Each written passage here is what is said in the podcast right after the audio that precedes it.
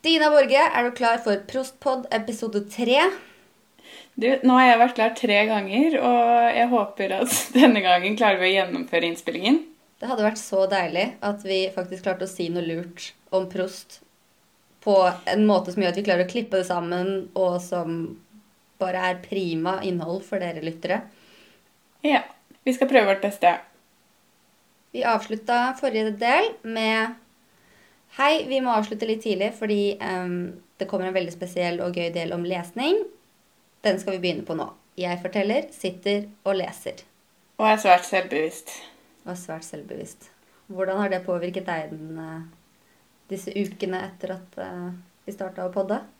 Nei, altså jeg er selvbevisst som aldri før. Jeg, altså, jeg sitter jo og hører på disse episodene da, og tenker over alt jeg har sagt, og hvordan jeg har sagt det. og...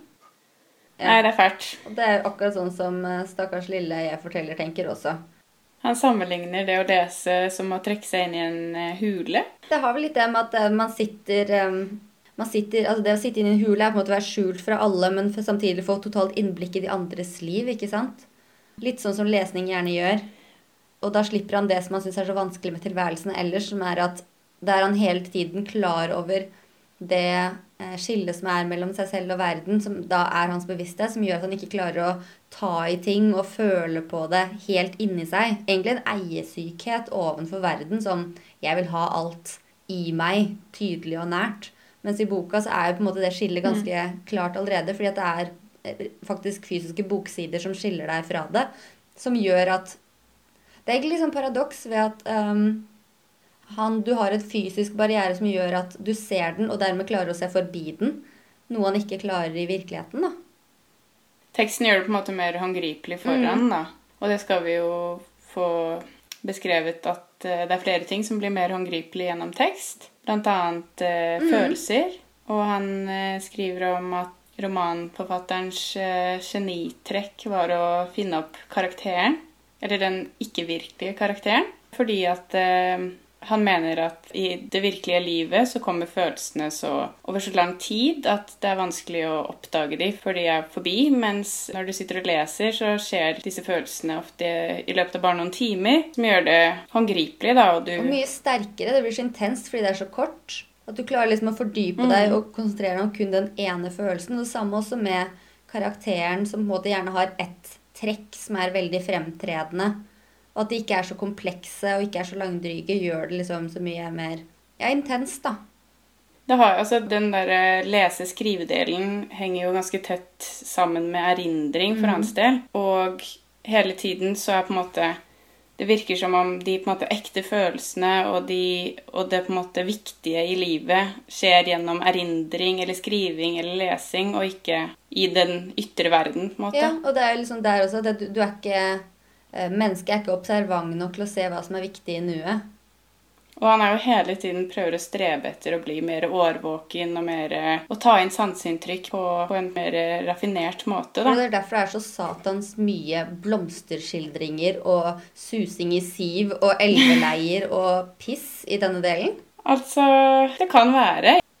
Å trekke sammen tingene så fort også gjør jo at det blir et helt annet sted. Altså, Et fiktivt univers er jo ikke bare et fiktivt univers, men det blir jo også et sted hvor tid og rom ikke er like viktig. fordi at å lese seg selv skaper jo et helt eget rom.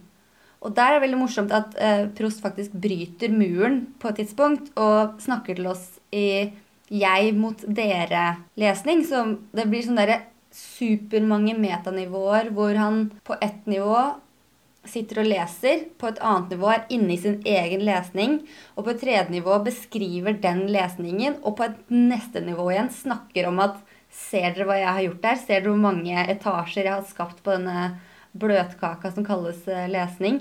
Jeg lurer på hva han tenker altså når han eh, kritiserer sin egen selvbevissthet så mye som han gjør i starten, og hvilket vanskelig forhold han har til det. Om han egentlig ser på dette her som et litt morsomt grep, eller om han ironiserer over at det er vanskelig for meg, fordi at jeg tenker over alle disse tingene hele tiden, og nå skal jeg få deg til å tenke over de også. Det er neppe tilfeldig, i hvert fall, for det er ingenting med denne mannen. Helt enig. Og så snakker han om at selv om jeg snakker til dere i dette rommet, så, så drar jeg dere ikke ut av det. Det er et sitat der hvor han sier at Eh, Når jeg tenker på dere, fremkaller dere ennå dette imaginære liv. Dere inneholder og bevarer det i kraft av litt etter litt og har kretset det inn og gitt det plass. Mens jeg leste videre i boken og varmen fra sommerdagen la seg, i deres fredelige, klingende, duftende og klare timers langsomt skiftende, bladinnfattede krystall. Det er nesten som han sier at leseren ikke angår han heller, selv om han er sånn der, jeg vet at dere er her og ser på meg fra deres egne små huler, men det angår ikke meg. Nei, Det er veldig meta og veldig komplekst. Og et interessant grep hvor Prost er mer tilstedeværende i teksten enn han har vært tidligere. Og det er gøy. Det er gøy. Han er jo så selvmotsigende fordi han hele tiden skal understreke hvor lite episk begavelse han besitter, og hvor lite tenkelig det er at han noen gang blir forfatter. Men likevel så sitter han og snakker til oss. Er det derfor han går rett videre etter dette til å snakke om hvilke bøker han har likt best også? For det fortsetter jo med at etter dette partiet om lesningen, så blir vi introdusert i en av hans yndlingsforfattere gjennom tidene. Men det skjer gjennom hans bestevenn Bloch. Som er verdens største snobb og drittsekk. Unnskyld at jeg sier Ja, for en kuk. For en kukete kuk. Ja, altså Jeg hadde umiddelbart litt sympati med han, fordi at eh, faren hans driver og halvdisser han som jøde. ja. Faren til jeg-fortelleren er sånn Hvis du først skal ha jødiske venner, så får du få de riktige jødiske vennene. Og man blir liksom Skjerp deg. Og resiterer liksom jødiske vers. Ja, jeg er ett av de utvalgtes folk. Og bare sånn tuller prøv- masse. ja, prøver å vise seg fra sin morsomme side. Som ikke funker. Men så begynner Bloch å vise hvem han er, og bare idet han begynner å snakke, egentlig, så forstår du at dette er en liten drittunge som noen må sette en propp i munnen på. Ja, faren prøver jo ved å innlede med sitt yndlingstema, været. Og bare sånn, ja, hva slags vær er det ute nå?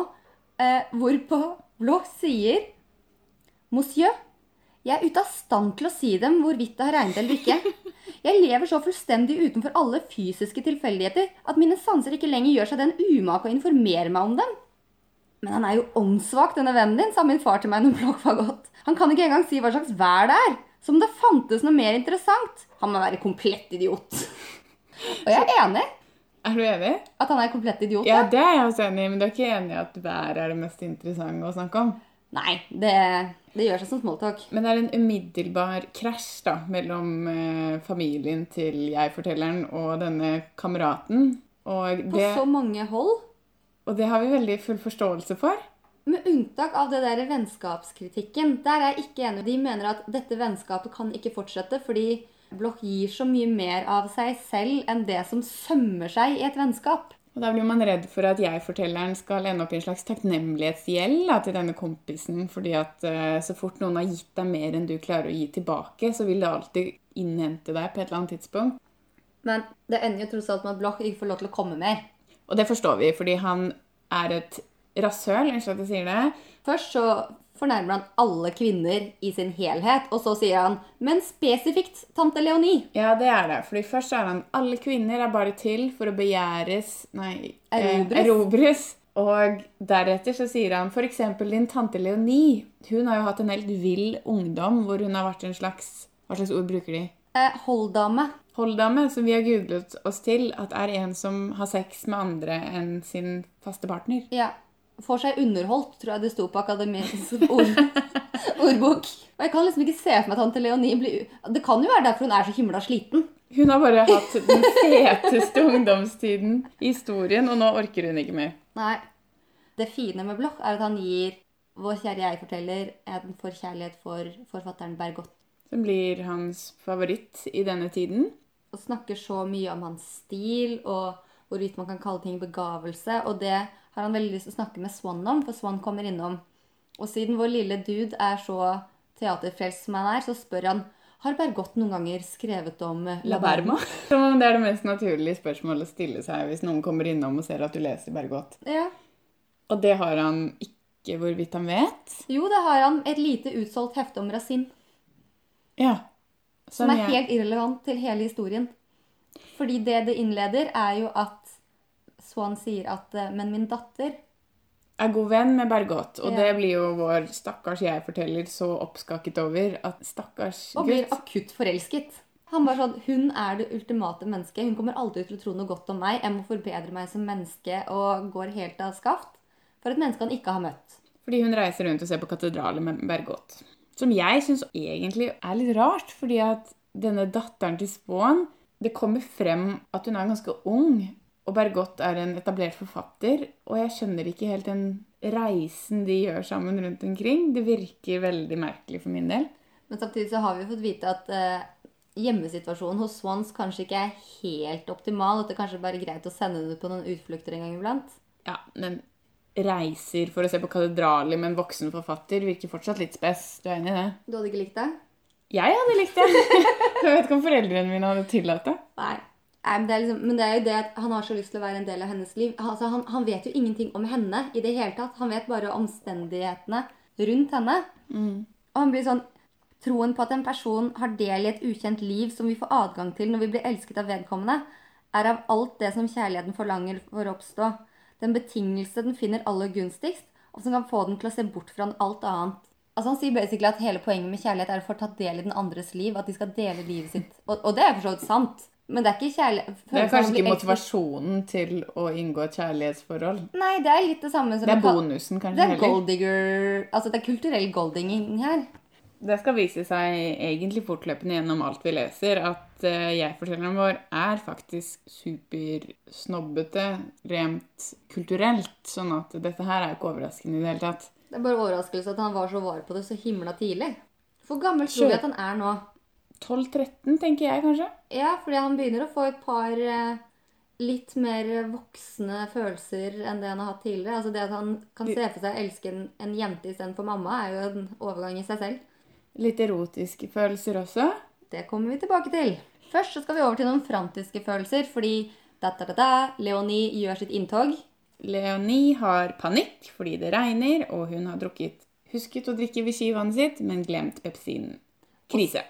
Det er ganske sykt egentlig at tante Leonie, som har, klikker så mye fordi hun er redd for å fordøye vann, har i det hele tatt klart å tilegne seg noen som helst nye vaner. Ja, fordi hun har blitt ruinert på en, et brudd i vanen sin, og det er lørdag. Det er lørdag. Da skyves lunsjen én time frem.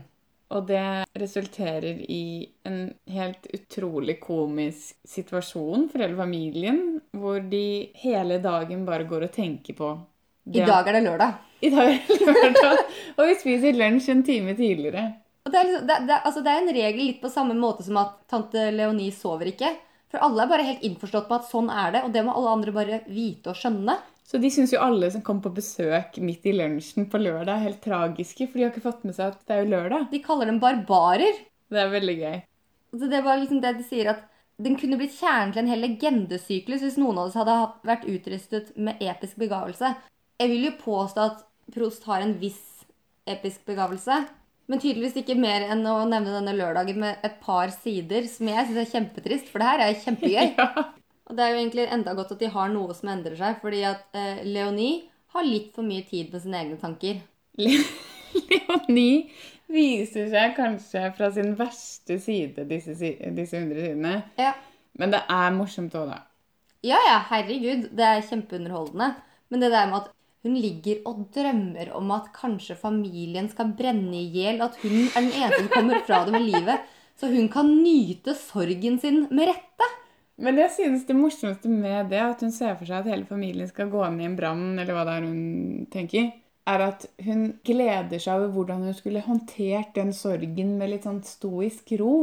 Og at hun skulle gått ut av kirken forrest, og at folk skulle si sånn Jeg ser du enn så syk hun er, så tar hun det på denne måten. Og det er på en måte ikke den tragedien hun skal oppleve som motiverer henne, men mer sånn hvor lett hun ville tatt på det, og dermed hvordan folk ville tenkt at hun var, til tross for sykdommen, veldig sterk. da. Ja, og det, du syns jo dette var veldig morsomt. Jeg syns jo også til en viss grad at det er ganske creepy. Fordi jeg har akkurat sett ferdig serien Sharp Objects. Og der er det en mor, og alle snakker bare om hvor godt hun holder seg, og hvor nydelig hun er i begravelsen, og at hun liksom fremstår som en dronning. Og jeg bare kjenner sånn her, Men Leonie ville jo aldri gjort sånn, da. Jeg kan snakke om at Francois er jo like gæren. Hun er jo he altså, Det syns jeg er verre. Jeg syns faktisk det er verre enn fordi det med Leonie er jo bare et slags sånn stakkars Livet mitt er kjempeensformig og kjedelig. Jeg ser for meg de mest horrible tragedier, og hvordan jeg selv ville håndtert det. Hvordan folk ville sett på meg hvis jeg håndterte det sånn og sånn. Helt greit. Francois derimot, hun er en helt annen sak. Hun blir superrørt av å lese avisen, av å lese i leksikon om kolikk. Men med en gang noe skjer noen hun vet hvem er, så får hun helt avsmak på personen. Ja, samtidig så skimer jo også Leonie med sine ansatte. Altså, Francois er det eneste mennesket som noensinne ville holdt ut med å deale med Leonie og hennes fakter. For Leonie anklager vel henne for å ha stjålet på et tidspunkt òg? Ja, Hun ligger og fantaserer om at hun stjeler så mye at hun tror på det sjæl, og liksom drypper sånne her spydige kommentarer til Francois. Og hun der jækla Eulalie, hun der sladrekjerringa fra kirken, hun bare fyrer opp under på like mye sett. Og så tenker du liksom plutselig sånn Å, stakkars Francois. Men nei, nei. Francois bare slenger dritt tilbake om Eulalie, fordi hun vil jo ikke at noen andre skal være så nær Leonie som henne. Så hun også har en sånn freaking sånn derre Jeg må passe på deg og stå i, i sorgen og vanskelighetene-mentalitet, som jeg syns er bare helt sjuk. Så dette her er et mylder av klin gærne mennesker, rett og slett. Og det Du fikk det du ba om. Ja, herregud, jeg har fått så mye faenskap at jeg vet ikke hvor jeg skal gjøre av det. Leonie sier jo i starten at skal vi ha asparges nå igjen? Og så får vi vite at grunnen til at de spiste så jækla mye asparges, er ikke fordi det er så digg, men fordi at den gravide kammerpiken Ikke tåler det! og spyr og er kjempedårlig, og Francois får en sånn morbid glede i å gjøre henne sjuk. Og hun forsvinner vel på et eller annet tidspunkt, hun stakkars piken òg. Ja, ja. Og når hun sitter og leser i det leksikonet for å sjekke hva som er problemet, så er det jo fordi at denne jenta etter å ha født det barnet, har fått tarmslyng og har det kjempevondt, og hun bare hater henne der hun ligger og bare Mons. Ikke bær deg! Ikke Ja. bær deg! La jenta slappe av. Men hva er greia med asparges? Også Prost, eller jeg-fortelleren, har jo et eller annet sykelig forhold til asparges. Ja, så Han snakker om at asparges For det første så sier han at nattehimmelen reflekteres i at det er så vakkert, og disse fargene på aspargesen. Og så drar han Shakespeare inn dette her, som om det var nødvendig i det hele tatt. En midtsommernattsdrøm har virkelig ingenting med asparges å gjøre. Nei, men at det, det er som små ånder gjør forunderlige ting og får nattpotten hans til å dufte av forskjellige greier. Sånn, vi vil ikke vite hva pisset ditt lukter av asparges. Vi har lest nok VG-artikler til å vite at det er en dårlig idé, liksom. Slutt. Spis litt ananas i stedet. Ja. Det er vårt tips til deg.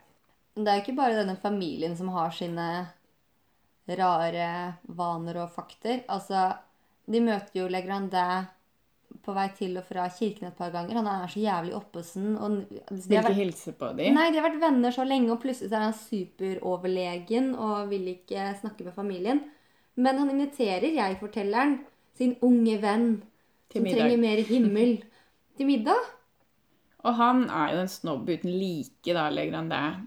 Han, det viser seg jo at grunnen til at han ikke hilser på de til messen, er på vei til messen, eller når han er i lag med andre mennesker, er fordi at han ser på de som av lavere rang. Mm. Og det takler han ikke. Nei, det er tydelig at han er veldig bevisst. Altså, vi snakket jo om i forrige episode at ingen skal gå ut av sine baner og henge med folk som er under eller over seg, uten at det er en eh, korrekt måte å henvende seg til hverandre på. Men han her er så bevisst sin posisjon i samfunnet at det går jo over alle Han kan jo ikke forholde seg til noen lenger, for han er jo livredd for hvordan de skal påvirke hans egen posisjon. Ja, og så er det ikke bare det, men han vet jo Han er jo veldig sår også på hvem han kjenner og ikke kjenner. Fordi Ja, da de spør om han kjenner den Garmant-familien. jeg-fortelleren spør om det under middagen. Og da er han sånn litt forlegen sånn Ikke minn meg på at jeg ikke kjenner den familien, og jeg har aldri brydd meg med å bli kjent med dem. Han tar seg liksom i det hele tiden i tilfelle som noen skal, bli, som skal ta ham på det senere. Han omformulerer det så innmari sånn først. Så sier han 'ikke minn meg på at den familien eksisterer'. Og så sier han 'nei, jeg har dessverre aldri blitt kjent med dem'. Og så sier han 'jeg har aldri brydd meg om å bli kjent med dem'. Altså, er, her er det noe her er det noe såret stolthet ute og går. ass. Men så topper jo det hele seg da faren til jeg-fortelleren lurer på om han kjenner noen i eh. Balbec, hvor søsteren hans bor. Men det vil han ikke fortelle. De vet at søsteren hans bor der. Så det blir så jævlig pinlig at man skal late som om hun ikke eksisterer, bare fordi at han er flau over dem. Og han nekter å innrømme det. Altså faren hans, fordi at eh, jeg-forteller og bestemor skal bo der i noen uker for å trekke inn noe deilig sjøluft og sånne ting. Og så sier jo jeg-forteller på et tidspunkt at de hadde aldri dratt ut dit i det hele tatt, fordi at hun bestemora, som den naturalisten hun er, hun skal jo bare ligge på stranda til hun er skrukket og gå i fjellet, og hun skal jo ikke besøke noen, hun.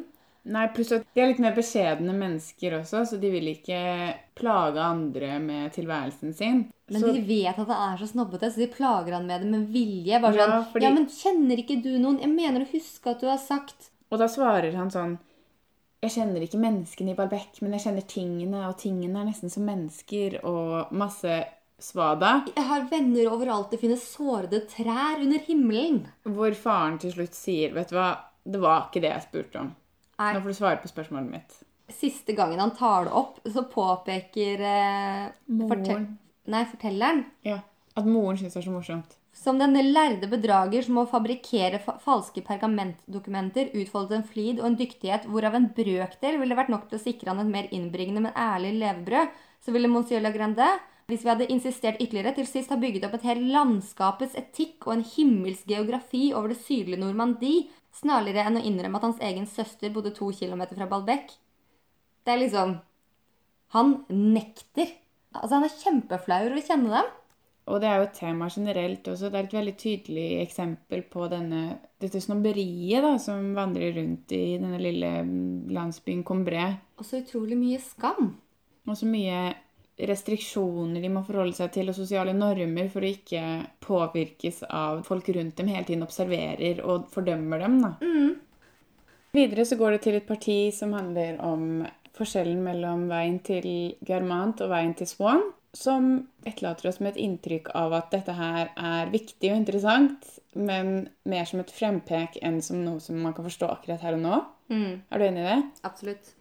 Men det som skjer videre, er at de går i retning veien til Swan, forbi huset, og det, det gjør de fordi de har hørt at den familien er på ferie. Nei, han er i Paris, og de Skal være bortreist.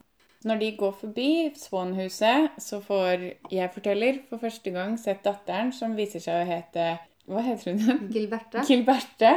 Men da står moren oppe ved huset og roper på henne, og det står en annen mann der som viser seg å hete Charles, eller et eller annet Ja, Charles. Charles, som vi kaller ham foreløpig, for vi har ikke funnet ut av den franske uttalen. Og da får man vel et inntrykk av at Swan har forlatt huset litt for å tilrettelegge for dette. Ja. Det er veldig rart, hele opplegget, og hun datteren er til stede, og Men er dette Fordi det er liksom ikke sagt ordentlig, men er dette datteren til Swan? Jeg har veldig inntrykk av det, fordi at Swan ble tidligere presentert som en person med litt rødlig hår. Det ble også Gilberte.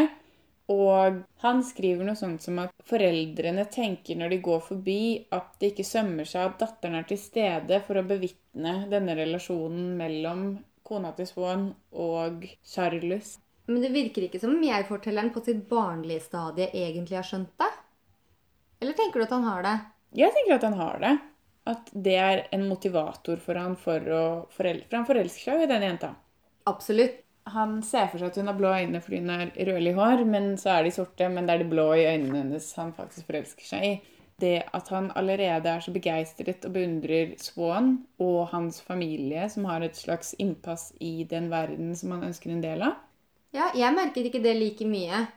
Eh, altså, jeg, jeg tror også at dette er datteren til Swan, men jeg, jeg fikk ikke helt for meg at han la så mye merke til det. Altså, han er alltid motivert av hva kan denne relasjonen gi meg. Det er jeg helt enig i. Og hvis det bare hadde vært en vanlig jente som løper rundt og lekte i en hage uten at det hadde noe å si for han Eller jeg tenker at det er motivert av familiesituasjonen hennes. Ja, jeg tenker også det har litt med personlige egenskaper, fordi han snakker om dette blikket, og hun ser så innmari ned på han. Altså Hun ser ned på han, så hun ser rett forbi han, gjennom han. Og han blir så fascinert. Altså Han føler seg med en gang underdanig. Han har så mye masochistiske tendenser, denne fyren. Og begynner å snakke om at han skulle ønske at han kunne rope ut at hun var det mest avskyelige mennesket. Jeg synes hun var så pen at jeg skulle ønske at jeg kunne løpt tilbake og ropt til henne med hånlig mine. Du er det styggeste, det mest groteske og frastøtende jeg har sett i mitt liv. Jeg gikk imidlertid videre. altså, han tør jo ikke. Han snakker jo også om at hun vender seg bort når, han, når hun blir ropt på. Og hun vender seg aldri tilbake fordi hun er så opphevet og så lite interessert i han og ser så ned på han at hun bare snur seg, selv om hun har sett han, løper av gårde etter moren sin og bryr seg ikke med å vende seg tilbake og se over skulderen engang. Jeg fikk litt sånn Estelle-følelse fra Store forventninger. Foreløpig noe som minner litt om hennes litt sånn overlegne holdning. Og etter det så får han et sånn en utrolig trang til å hele tiden nevne deres greier, men i en ukorrekt kontekst, sånn at han bare skal få høre foreldrene sine si For eksempel så sier han sånn Ja, den veien som går forbi huset, den er jo et eller annet med at det er kommunen sin. Og så sier faren sånn Nei, det er jo Swan sin, det vet du vel godt. Bare fordi han ønsker å høre navnet Swan hele tiden. Han idoliserer den familien så mye.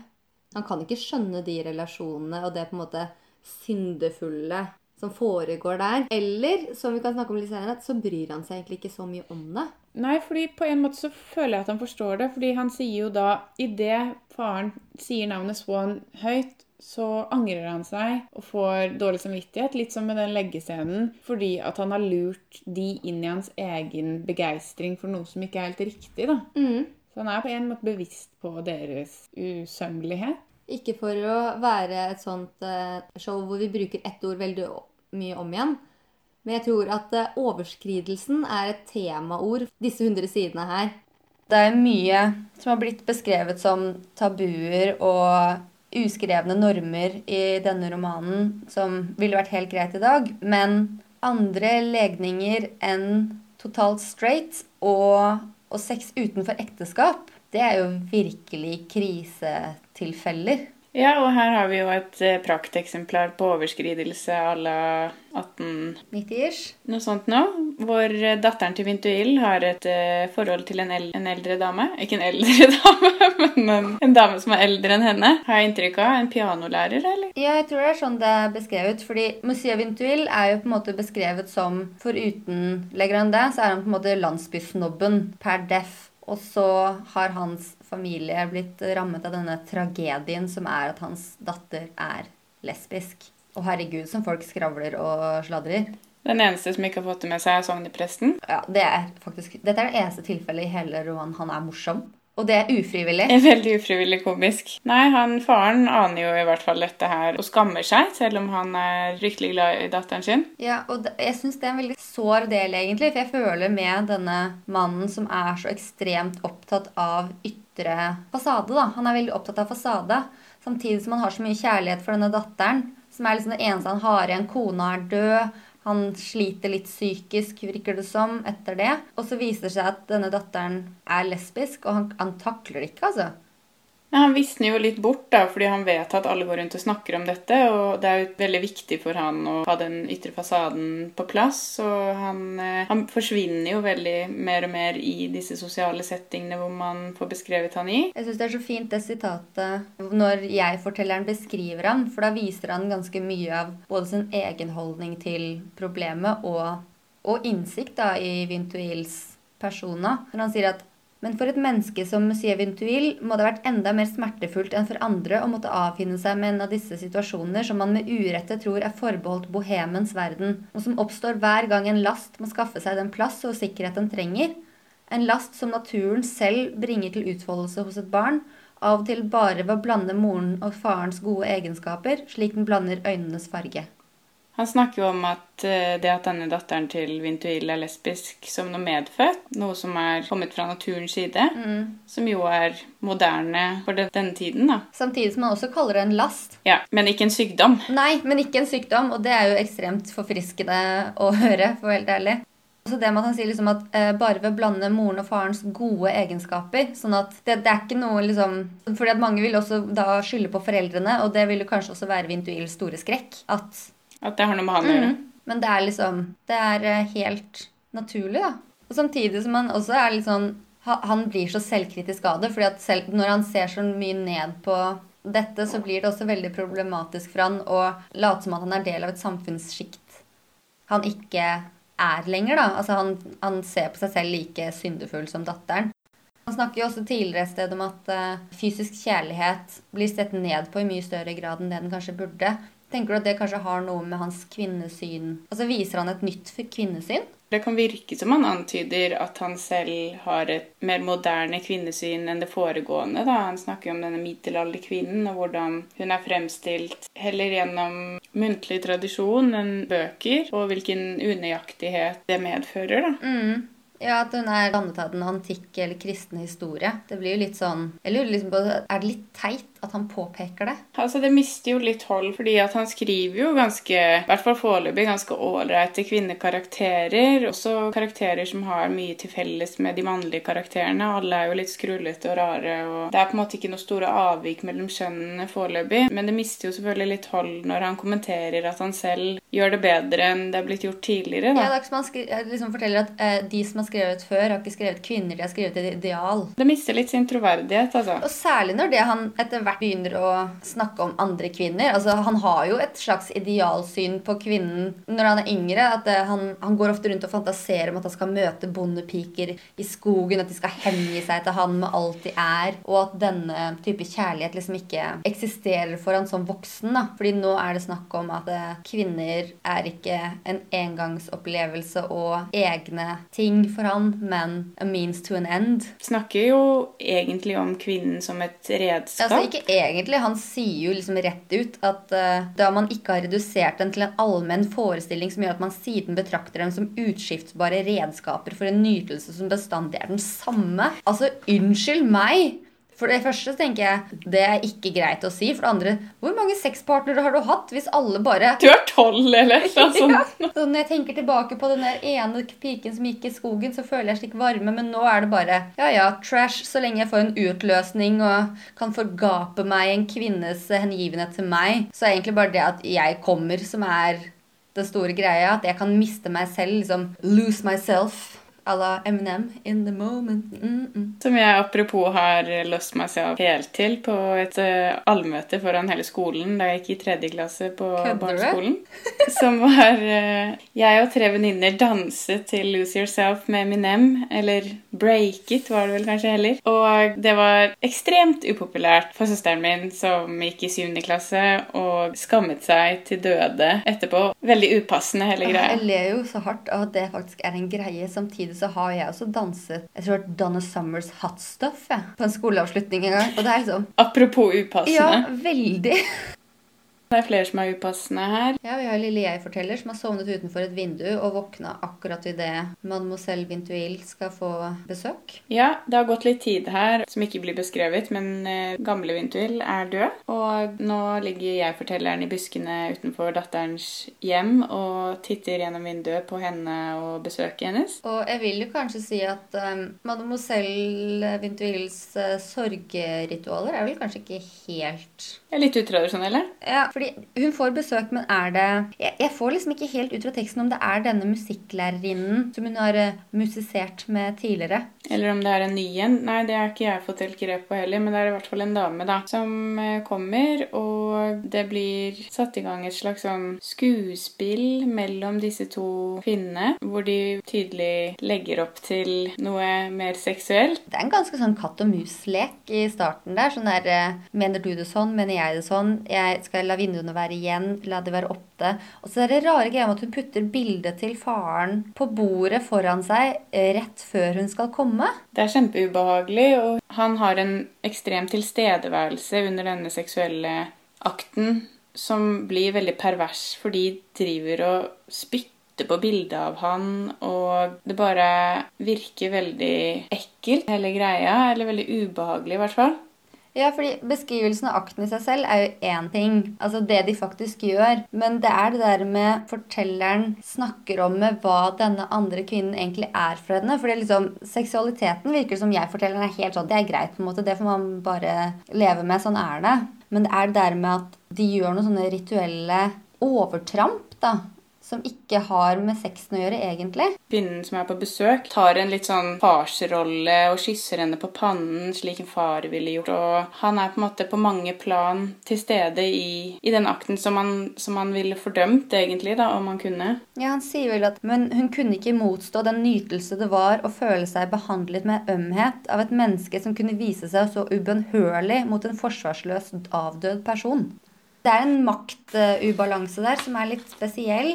At hun, har liksom, hun trenger denne eh, For det første så er det nok oppmerksomheten. altså Mange som har vært igjennom sorgprosesser, vet jo at man trenger en viss oppmerksomhet og føle på kjærlighet fordi man har, har et tap. da. Men det der med at hun blander også sin egen skyld over, og sin fars skyld, ved å være lesbisk inn i en sånn derre Ok, men du er så nådeløs. Jeg kan, hvis jeg er med deg, så kan jeg også føle meg nådeløs og på en måte være veldig til stede i min egen overskridelse og skyld og skam og lyst. Samtidig som jeg kan være utenfor det, fordi det er ikke egentlig min, min skyld, lyst og skam.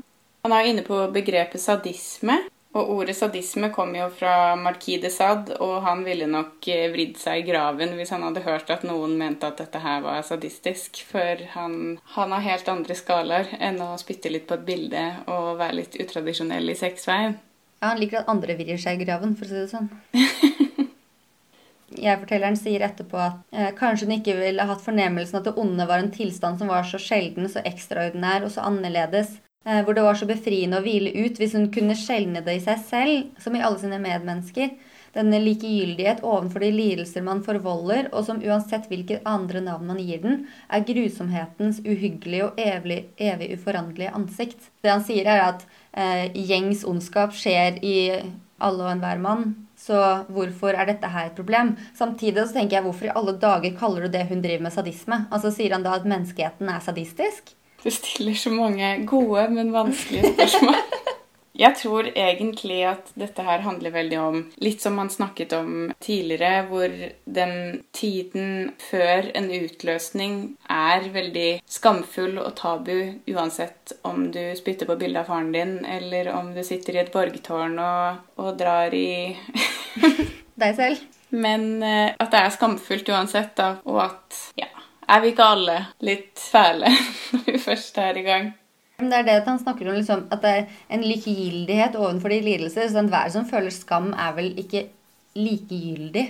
Nei, men hun vil jo gjerne bli sett, eller de vil jo gjerne bli sett òg, da. Altså, det er jo også et poeng i denne akten at ja, vi lukker ikke skoddene fordi noen kan jo se oss, tenk om noen ser oss. Altså spenningen rundt det å bli sett, og dette bildet blir jo plassert på bordet i en slags idé om at han ser på dem. Så så på en måte, de har jo De er vel ikke helt Eller de er vel kanskje litt likegyldige, da, tenker jeg. Nei, jeg tenker jo ikke at de to er likegyldige i det hele tatt. Men det er bare når han snakker om allmenne menneskers likegyldighet. Og det med at hvis menneskeheten i seg selv var sadistisk Han mener jo tydeligvis at disse her er utpregede sadister. Men han er jo tolv, ikke sant? Jo, men denne personen som snakker om sadisme, er ikke tolv. Altså, Unnskyld meg, en tolvåring. Han har ikke lest det sad. Nei, han trenger ikke å lese det sad for å bruke ordet sadisme, da. Men, eh, men Hansen ligger og ser på dette her og eh, sjokkeres. Han er tolv. Han er så utrolig tolv. Og det merker også den overgangen etter det her, hvor liksom det går Det er så lange beskrivelser av turen til Swan og turen til Germant som er Jeg er så lei av disse plante- og klokketårnene og veiene og grusen og gå etter mamma og pappa og ligge ved en vannkant beskrivelsen hans. Det tar en frikkings evighet. Jeg har virkelig prøvd å lese mening til det derre Hva er forskjellen på veien mellom Combré og Garmants og Combré og Swans hus? Og jeg har ikke noe Dypere mening. Nei, virkelig ikke. Kanskje det har med tilgjengelighet å gjøre. har vært noe jeg har tenkt litt på. At det ene liksom virker som det kunne gått liksom til Orienten og Nordpolen og ekvator, mens den andre er liksom en tusletur du tar når du har dårlig tid fordi det kan regne.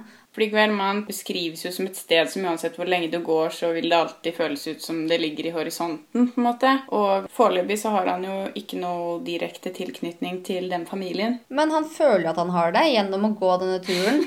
Det er helt absurd når han går langs denne veien og drømmer om å fiske ørret med Madame de German. Som han har blitt forelsket i. Av null grunn, annet enn at hun er liksom eh, Over han i rang. Og at hun er etterkommer av Genevieve, som han har hatt som sånn barndoms... eh, Og han har fortsatt i barndommen, liksom. Som barndomsforelskelse gjennom eventyr, da. Ja, så han eh, forestiller seg hvor sterkt inntrykk eh, diktene hans kunne gjort på henne. Diktene som han ikke har skrevet ennå engang. Ja, for da har vi gått full circle. Da har vi gått fra at 'Å, jeg er så selvbevisst når jeg skal lese', til 'Å, jeg er så selvbevisst når jeg skal skrive'. Jeg kommer aldri til å klare å skrive noe som helst. Og han har jo også noen veldig kreative løsninger på hvordan han skal klare å skrive. Ja, og de kommer litt uventet på, fordi her mot slutten så blir han veldig opptatt av at uh, uansett hvor ille det vil gå han om han blir uh, kidnappet av røvere eller om han blir syk, så vil pappa kunne hjelpe han ut av situasjonen. Han går så langt som å si at pappa kunne sikkert skrevet et fint brev til Gud og bedt om min redning. Og dette kan han også da tydeligvis gjøre for gudelig begavelse i skrivning også. Pappa fikser det. Han har ikke vist seg veldig imponert over faren tidligere, så det, vi syns begge var litt merkelig han har noen rare ideer. Så etter liksom å ha hatt den der kjempehøye tanken om at pappa kan redde meg fra alt, så går han liksom rett ned i bånn igjen. bare, Men tenk hvis jeg bare er et helt vanlig menneske. Og det er liksom det verste som kan skje. At jeg ville bli gammel, at jeg ville dø som den. At jeg, ville, at jeg blant alle disse bare hørte til dem som ikke hadde anlegg for å skrive. Ja, stakkars deg. Nei, uff a meg. Nå orker jeg ikke å snakke mer om han, jeg. Nei, nå er jeg lei. Har vi noen tips til han på ferden? Både forfatteren og personen? Skaff deg bedre jødiske venner. Ja. Drit i alle vannliljene og hagtornene. Prøv å ikke være så ufyselig når du blir umiddelbart forelsket. Men det vet jeg at det er vanskelig. Ikke snik på de lesbiske i lokalsamfunnet. Det er det viktigste. Har du ledd noe denne episoden? Eller denne lesningen? Men jeg har lært noe. Eller ledd, som jeg egentlig sa. Var det ledd du sa? Uh, ja, jeg lo godt. Jeg lo veldig mye av lørdag. det er jo lørdag. Utrolig morsom og veldig syrlig med den eh, Dette kunne vært eh, grunnlag for en hel Legendesyklus, var det ikke det han sa? Ja, hvis noen av oss hadde episk begavelse. Det synes jeg det var en ironi jeg kunne sette mm. pris på. En ting jeg ikke kan sette pris på, er at han må slutte å snakke om Shakespeare og asparges. Ja, æsj. Det var ufint, det med den potten som luktet asparges.